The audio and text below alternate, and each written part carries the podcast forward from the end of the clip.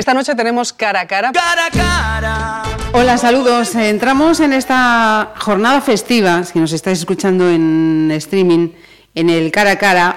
Entramos eh, a la hora que queráis, el día que queráis, si nos estás escuchando a través de podcast, pero en cualquier caso, sea el día que sea y el momento que sea, este es el comienzo de otro cara a cara, en el que vamos a compartir charla en esta ocasión con una mujer pontevedresa, Ada Otero Huertas. Bienvenida. Muchísimas gracias. Eh, esta jovencísima mujer es licenciada en Derecho. Es especial, especialista en violencia de género. Tienes trabajos sobre temática transgénero y también eres activista y formadora en grupos de apoyo para personas transgénero y familiares. Y además luego al final de esta charla habla, hablaremos, como esté yo, hablaremos de, de momento creo que es una plataforma, ¿no? Género diverso. luego al final nos explicas en qué se puede convertir ese, ese proyecto, Ada. Eh, como punto de partida, si te parece, eh, ¿qué es lo que hizo que mm, tú comenzases, comenzases a tomar parte activa en la temática transgénero? Pues curiosamente empezó en, cuando estaba estudiando Derecho y dimos, había una, una asignatura que nos dijeron, ¿queréis hacer un trabajo de lo que queráis? Y yo había escuchado todo esto legalmente de cambio de sexo, todo así como tan extraño. Y dijo, pues voy a hacer un trabajo de eso. Y fue mi, mi primer matriculado de honor. Y bueno, que iba a decir que mucho más tarde pues iba a ser, iba a descubrir yo que era trans. y, y, claro, una vez que empecé a juntarme, buscando yo ayuda, me di cuenta que había gente que necesitaba mucha más ayuda que yo. Y que yo podía propor proporcionársela. Entonces dije yo, bueno, pues hay que hacer algo. O sea, me sentía responsable. Y empecé a trabajar en ello.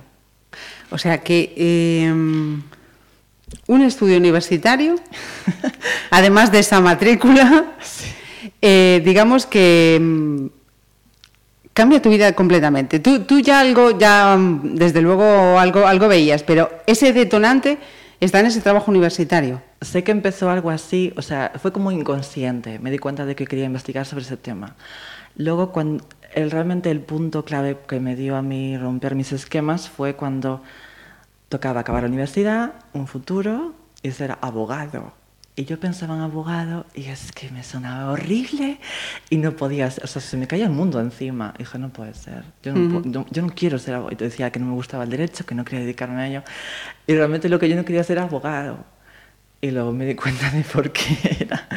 Luego abogada me sonaba fenomenal. Uh -huh. De hecho, mi hermano me llegó a contar una vez, eh, ¿tú qué prefieres ser? Eh, ¿Granjera o, o, fiscal? Y yo, granjera. Eh, ¿Doctora o, o, granjero? Doctora. Todo rato así. Siempre elegía la, la profesión femenina. Sí, sí.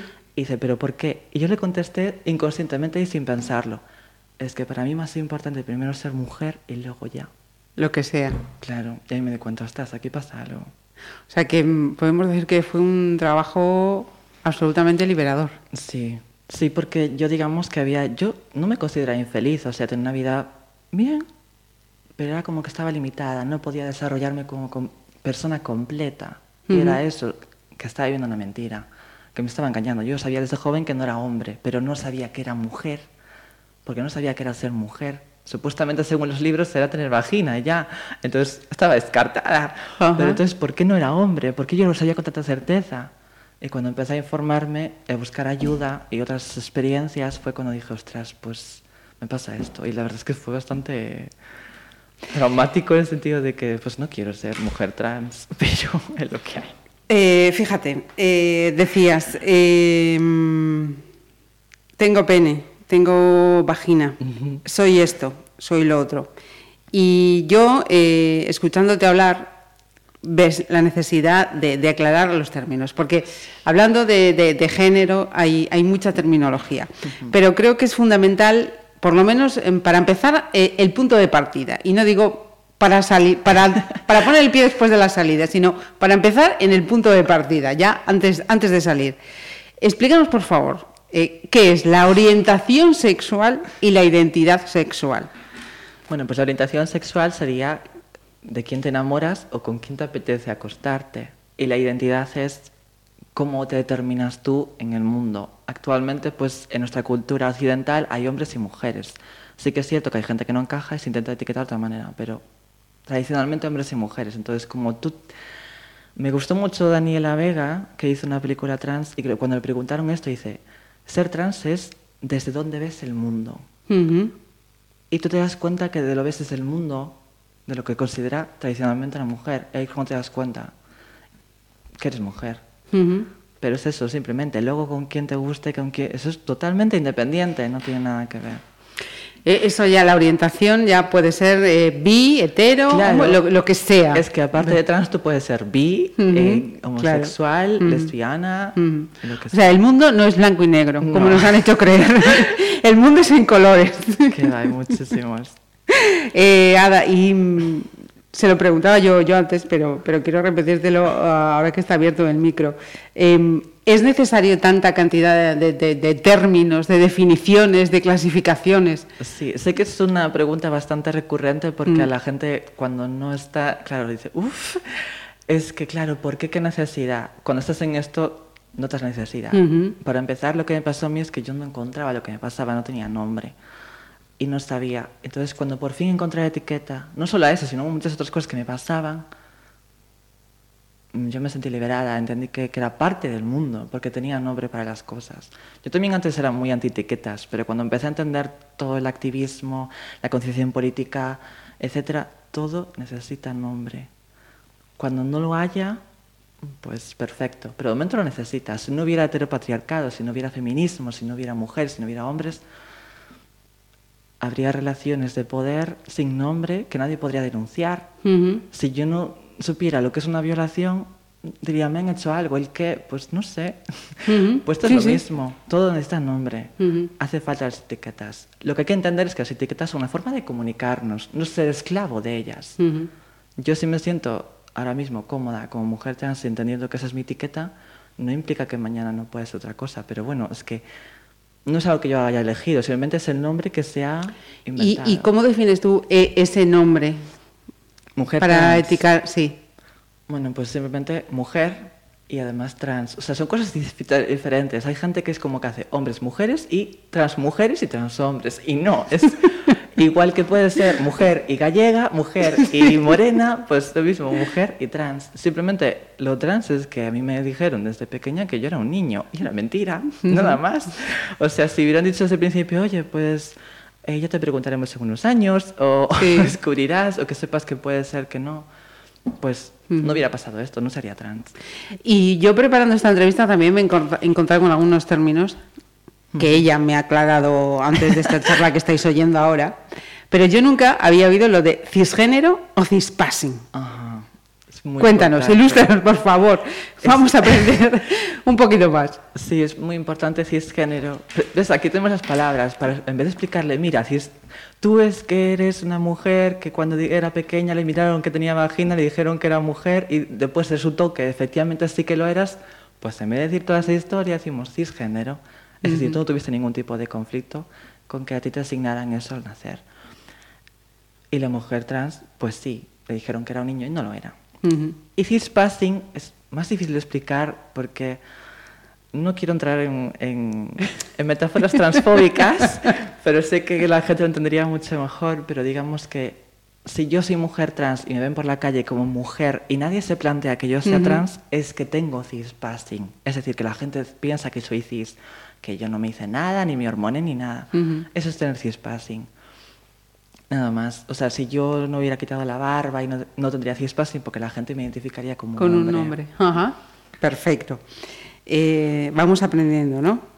Bueno. Eh, la orientación y la identidad sexual, Ada, eh, ¿se manifiestan desde la infancia? Sí. Es, es muy curioso como siempre intentamos como proteger a los niños de que no, hablemos de sexualidad, no- pero es que ya se está manifestando de muchas formas. La identidad más o menos, en una de mis charlas dije de 4 a 7, pero creo que incluso se manifiesta antes. Ajá. Y la orientación, obviamente no como pensamos, sexual, pero que te guste, te parece un chico guapo y demás, eso es súper pronto, entre los 7, 12 años ya, ay, mira el neviete, no sé qué. Sí, sí. Y, y sucede, Ujú. no de una manera especialmente sexual, pero sí que hay atracción, que te das cuenta de que te gusta. Entonces sí, ¿qué pasa? Que como todos los mensajes que te mandan son heterosexualidad y ser cis, la gente tarda mucho en darse cuenta de, que no son eso. Su identidad. Exacto, tanto la identidad como la orientación. Em, ¿Qué barreras pone actualmente la ley? Vamos a ponernos aquí en España, porque me imagino que esto además también son muchos mundos. Pero aquí en España, ¿qué barreras pone la ley a esa orientación y a esa identidad? Bueno, pues eh, como hablamos antes del cispassing, casi todas las personas lo que quieren es ser felices y vivir tranquilas. Si tú te presentas como mujer y no te ves, entre comillas, como una mujer, no vas a poder vivir como una mujer no te van a respetar tu identidad y vas a estar continuamente dando explicaciones. Entonces, una de las formas de poder llegar a eso es o con operaciones o con hormonas. Si tú quieres acceder a eso, que no es que tú lo quieras o que te apetezca, es una necesidad por presión social. Si la sociedad dijera, soy mujer, soy Respetara y asumiera. Sí, sí. Pero eso no sucede.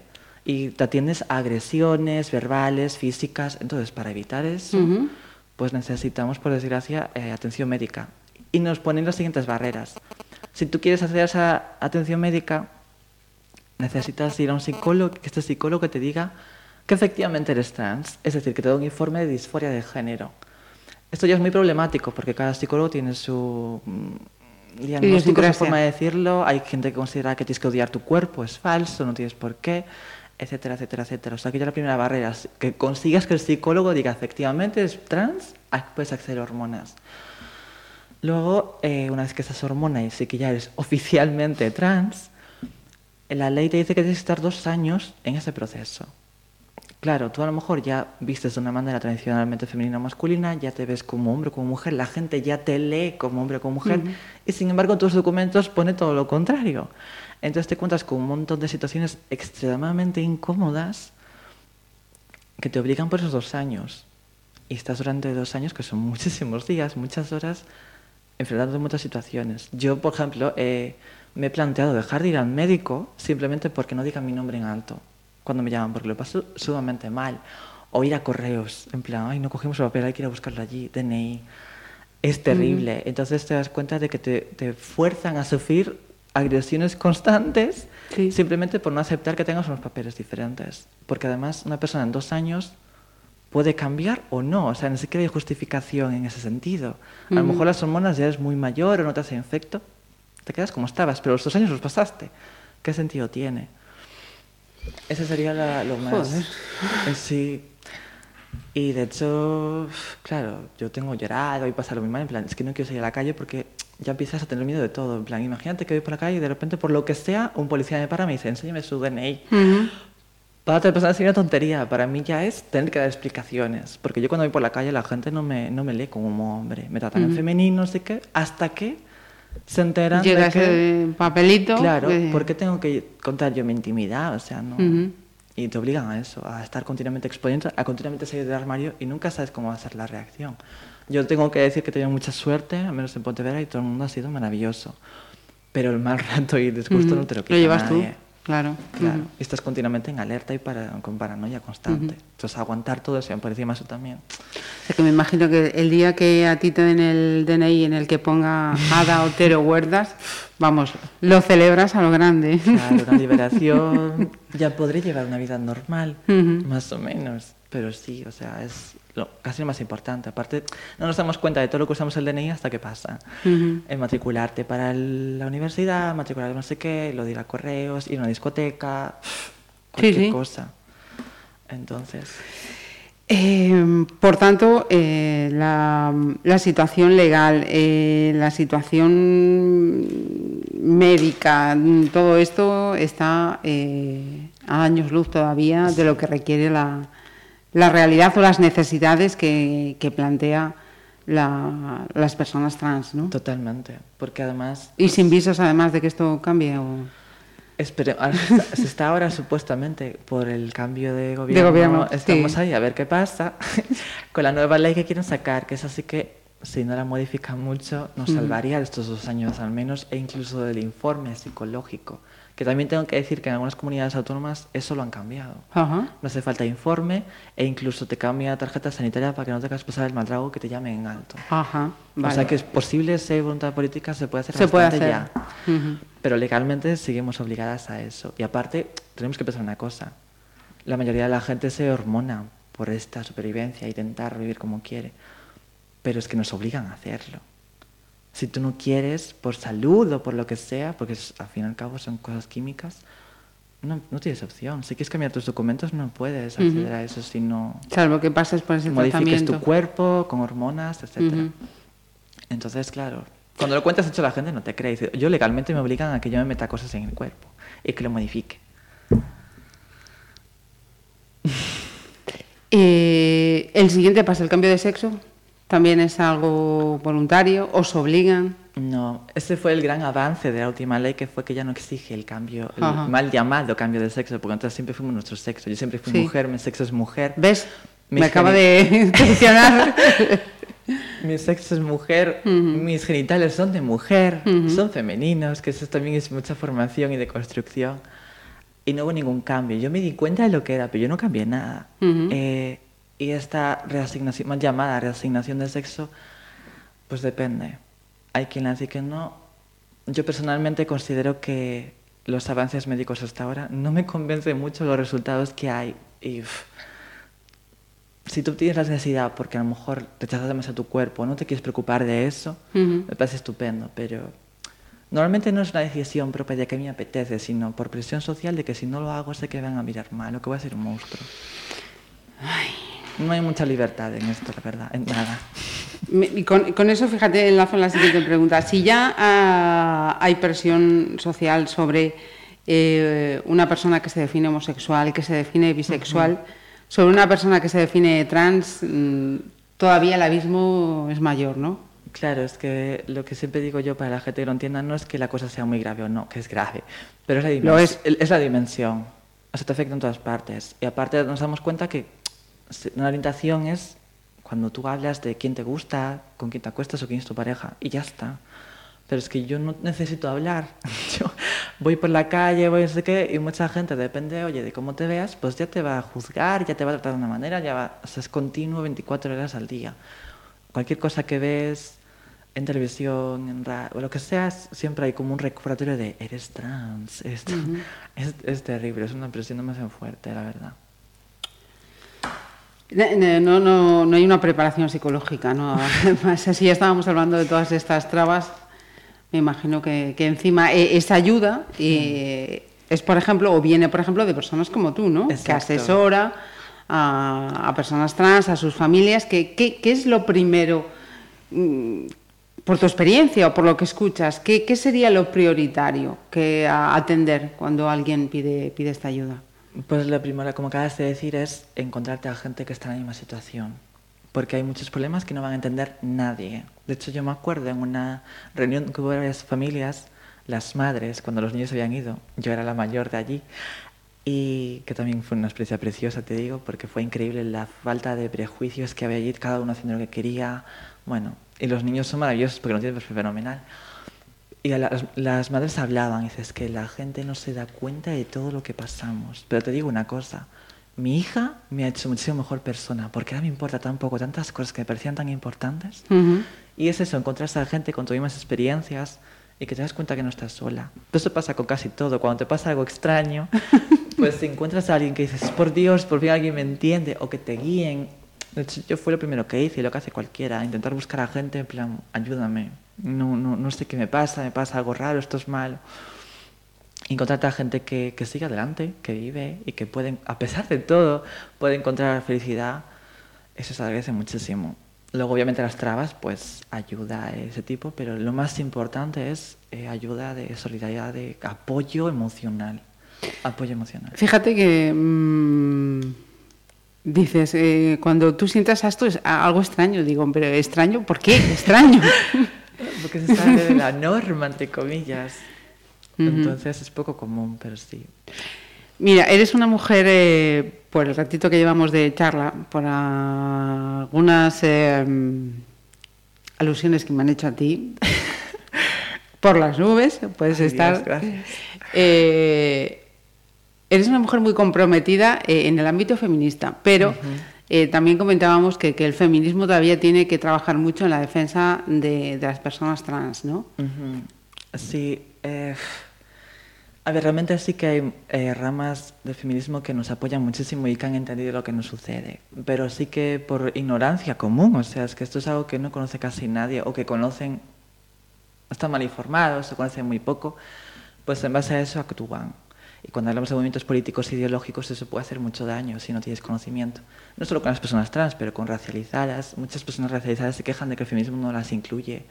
O personas discapacitadas, o cualquiera que no sea blanca, cis, pues dice, oye, no hablas por mí. Pero en el mundo trans pues es mucho más complicado porque como tenemos estos prejuicios de que alguna vez fuimos hombres y nos cambiamos de sexo, entonces hay ese prejuicio de que tuvimos privilegios, de que los disfrutamos y yo reflexionando cuando porque a mí me encanta escuchar estas cosas para reflexionar y oye, a lo mejor tiene algo importante que decir y, y después te das cuenta de que es en base a prejuicios. En el caso este, o sea, nuestro privilegio como mujeres trans es sufrir transfobia. Que nos confundan con hombres. Ese es nuestro privilegio. Vivir una mentira, que, o sea, es lo mismo que decir que una persona homosexual es privilegiada mientras está dentro del armario. Porque la gente presupone que es heterosexual, entonces disfruta de sus privilegios. No funciona así. El sufrimiento interno que tiene una persona trans que no entiende qué le pasa no es ningún tipo de privilegio. Y luego que esto ya es formación y muchísima eh, información en cuestiones de socialización, que es realmente lo clave. Mucha gente le suena raro y a mí también me suena raro es cuando eres pequeña, lo que decíamos de qué formas tu identidad, tú interiorizas una forma de socialización, que es o la femenina o la masculina. Y ahí es cuando empieza todo. Lo vives de esa manera, lo sientes de esa manera, las... y también con los hombres trans lo mismo. Ellos, aunque se vieran como, entre comillas, mujeres, etc., no sufrieron el machismo de la misma manera que lo sufrimos las mujeres trans. Y mucha gente no lo entiende. Yo tampoco lo entendía, pero después de conocer a hombres trans te das cuenta de que son hombres, pero hombres, es que totalmente. Se vean como se vean. Es una realidad que mucha gente no conoce. Entonces sucede eso, que es básicamente falta de, conocimiento. Por desgracia, sí que muchos sectores feministas nos atacan muy, muy, muy duramente. De hecho, hace poco pasó en Londres una cosa que en la cabeza de la manifestación hubo un grupo de, de TERFs, que es lo que se llama, que son transfeministas excluyentes de mujeres trans, que se pusieron delante con carteles transfóbicos diciendo que éramos hombres disfrazados, que íbamos a violar a mujeres en los baños, bueno, unas cosas. Oh, Dios mío. Aparte se basan en esto, en casos inventados que no suceden. O sea, si, si hubiera hombres que quisieran decir soy mujer y entrar a violar, ya podrían hacerlo ahora. ¿Qué diferencia hay? Sí, No tiene ningún sentido. Pero es que eso ya pasó con la homosexualidad. También antes, los pedófilos son todos homosexuales, tener cuidado los niños. Exactamente igual. De hecho, también nos acusan de pedófilas. Entonces nos encontramos con todo esto. Y claro, es muy frustrante ver a compañeras eh, en el feminismo, el transfeminismo, ¿Sí? que además de soportar todo lo que tienes que soportar como persona trans médicamente, socialmente, después te encuentras con personas que te atacan como el enemigo, como si fueras amenazante. Cuando estás en el... En el polo... Pues claro, es como Incluso aunque realmente pensáis que somos una amenaza, hay una amenaza mucho mayor. Nosotros ya estamos acabadas, entre comillas. Ya se encarga toda la sociedad de eliminarnos. ¿Qué necesidad? Es fortísimo lo que acabas de decir. Es fuerte, pero es, eh, realmente se siente así. En este plan, claro. Eh, quizá eh, eso que acabas de decir es un ejemplo de un dato que a mí me, llamó muchísimo la atención, como otros tantos, preparando esta, esta charla. El porcentaje de conductas eh, suicidas y de, y de, autolesiones en personas trans. 41% de intentos de suicidio de personas trans. Y eso de intento, o sea, pensamiento, muchísimas. Podría ser todas las personas que conozco, y en España ha habido tres suicidios de adolescentes trans. Eh, son personas también muy jóvenes. Pero yo no conozco a ninguna persona trans que no le haya pasado alguna vez. Yo incluida, claro.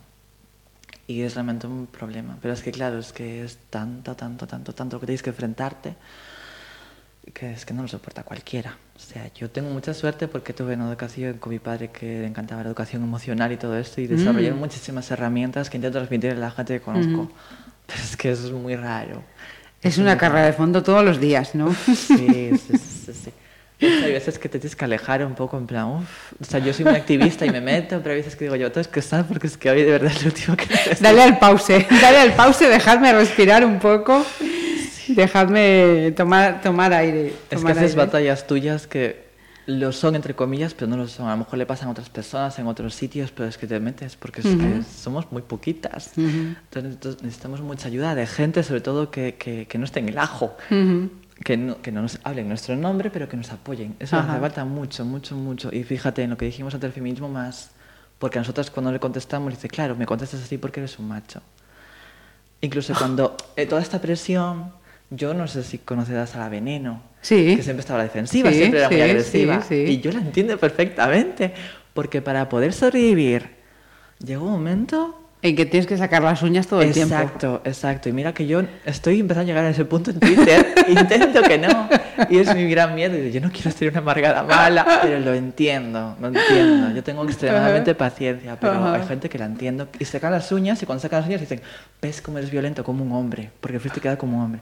Y yo, ¿cómo puede ser algo tan antifeminista decir que la violencia es patrimonio de los hombres? Ujú. Las mujeres no se pueden defender, son todas dedicadas y no hay fuerza ni violencia. Es como, ay Dios mío. Pero cuando una chica Darse cis- cabezazos contra una pared, Ada. Claro. Y cuando dice una chica cis, ahí no pueden discutirle nada, porque como nací con vagina, tiene todo el título de mujer y nos ayuda mucho, Ujú. mucho la verdad. Y hay muchas que están dispuestas a enfrentarse, Ujú. porque no entienden esto, o sea, que conocen la situación nuestra y dicen, ¿cómo podéis meteros con esta gente que precisamente está en una situación fatal? Ujú. Otras mujeres, estáis luchando contra otras mujeres. Pues claro, no lo ven así. Mm. Mira, y, y tú personalmente aquí en Pontevedra, con tus amigos, con tus amigas, con tu familia, eh, ¿sientes por lo menos de decir, qué suerte tengo? Sí, sí, la verdad que sí. A ver, tengo mala suerte entre comillas porque como yo estudié Derecho en Santiago, todas mis amigas viven en otras ciudades. Entonces aquí sí que estoy haciendo la... De hecho estoy haciendo un grupo, ahora vamos a hacer una asociación que se llama Avante LGTB, que está en Santiago, pero hacemos una célula en Pontevedra. Ajá. Se va a presentar, de hecho, el día 2 en la Casa Azul. Ahí A ver, repíteme, el día 2 de agosto. Ajá. 2 de agosto, En la Casa Azul. Casa Azul. En la planta cuarta, no creo que se llama el aula. Ujú. Pero bueno, que ya habrá carteles por ahí que pondremos. Es para ponerlo en previsiones. Y vamos a presentar una asociación y Ajá. ahí sí que pues conoces a gente. A ver, realmente yo con mis amigas tengo mucho afán pedagógico y digamos que eh, en todos los aspectos, incluso racistas y demás, fue como ir educando, oye, mira, qué tal, que no sé qué. Entonces partimos de una base que ahora, claro, lo aceptan porque yo las, las fui concienciando. ¿En qué, ¿En qué momento del día eh, tienes que pensar o puedes pensar en ti misma? Es decir, bu- bueno, me voy a dar el, gustazo de dedicarme a mí y no tener que estar pensando, mira, esto así no, mira el otro, el otro que me contesto por el Twitter, el otro que tiene... Ah, tiene que haber momentos del día así, por favor, no me digas que no. Cuando estoy con mi novio. Porque además que él no quiere saber nada de este rollo, le parece un rollo que él me apoya. Es la persona que más me apoya, pero es- y justamente es la que menos quiere saber de todo este rollo. Pero bueno, lo entiendo perfectamente, porque Ajá. es que yo lo llevo mucho. Pero sí poco tiempo, ¿eh? porque es que lo que te digo, como es algo continuo, Sí. no se te escapa. Ajá. Y aparte cuando eres un poco visible, hay bastante gente que acude en tu ayuda, en plan, por favor, mira, me pasa esto, si me puedes ayudar. Ajá. Entonces, claro, te, te viene más gente, pero sí. De hecho, yo, como persona, soy consciente de que el activismo tiene fecha de caducidad si no quieres que te desgaste hasta que ya no puedes más. Porque son tantas cosas tan duras que dices tú, uff, y yo también Sí, quiero vivir. esto, el contrato tiene que tener un límite, ¿no? Claro, claro. Yo lo hago porque es que me Pero- siento ultra responsable, porque no sé. Claro, pero tampoco puedes cargar mm, Claro. con las causas ajenas. Sí. es que estoy intentando, pero. Mira, y me hablabas de esta presentación el día 2, pero háblame también de esa mm, plataforma a la que me refería al principio, género diverso. ¿Qué, qué pretende ser o, o qué puede ser en un futuro? Bueno, pues ahora mismo es una plataforma eh, que está reciente creación en la que yo intento poner información. Yo te digo que estos días, la verdad, bastante ocupada, no puedo hacer mucho, pero bueno, tengo, por ejemplo, el vocabulario del que hablamos y tal ahí puesto, en plan definiciones. Ajá. Intento que sea una plataforma eh, donde ponga información. De hecho, en un futuro tenía pensado, no lo sé si hacerlo, porque ya me parece exponer mucho, pero hablar de mi propia experiencia, porque sé que ha ayudado muchísimo, pero claro, al fin y al cabo todo el mundo va a ser mi vida. y, y entonces estoy intentando llevar a cabo y sobre todo tener un, un canal de que la gente pueda venir a mí y preguntarme. Ajá. Me pasa esto, que de momento nadie se ha puesto en contacto conmigo de esa forma, siempre de todas maneras. Pero está para eso, para que la gente me pueda preguntar dudas. Ujú. Y en un futuro estoy pensando en convertirlo en asociación para luego pues poder hacer convenios con la administración y pues hacer posible extender formación y concienciación que a ver Hace mucha falta. Sí, hace mucha falta y pues me gusta y la gente, de verdad, las reacciones que tengo son muy buenas, Ajá. muy buenas. Mira, y mm, si ahora mismo nos está escuchando alguien que dice, pues yo quiero ponerme en contacto con Ada, ¿dónde la remitimos? ¿Cómo la remitimos? Pues tan fácil como ir a Facebook, poner género diverso y mando mensaje privado. Soy yo la que lo lleva, con lo cual no se va a encontrar con esa persona que no de vergüenza y que hable conmigo. Ujú. Eh, yo estoy eh, encantadísima de haberte conocido Muy gracias. y la persona que me habló de ti llevaba mucha razón en todo lo que me dijo, sí señor. Ay, mía. Y espero, ojalá, haber puesto un granito de arena pues para que esto se vea con la normalidad que, que- que tiene. Pues sí, muchísimo, ayuda Y- muchísimo. Y de eso se trata, ¿no? Y a ver si esa mochila va aligerándose de peso, caramba. Sí, por favor. Un placer, Ada, de verdad, ¿eh? Ah, Muchas gracias.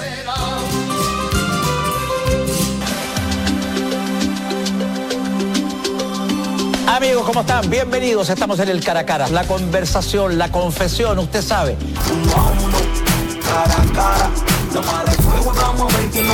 Ok, te explico. Cara a cara. Pontevedra Viva Radio.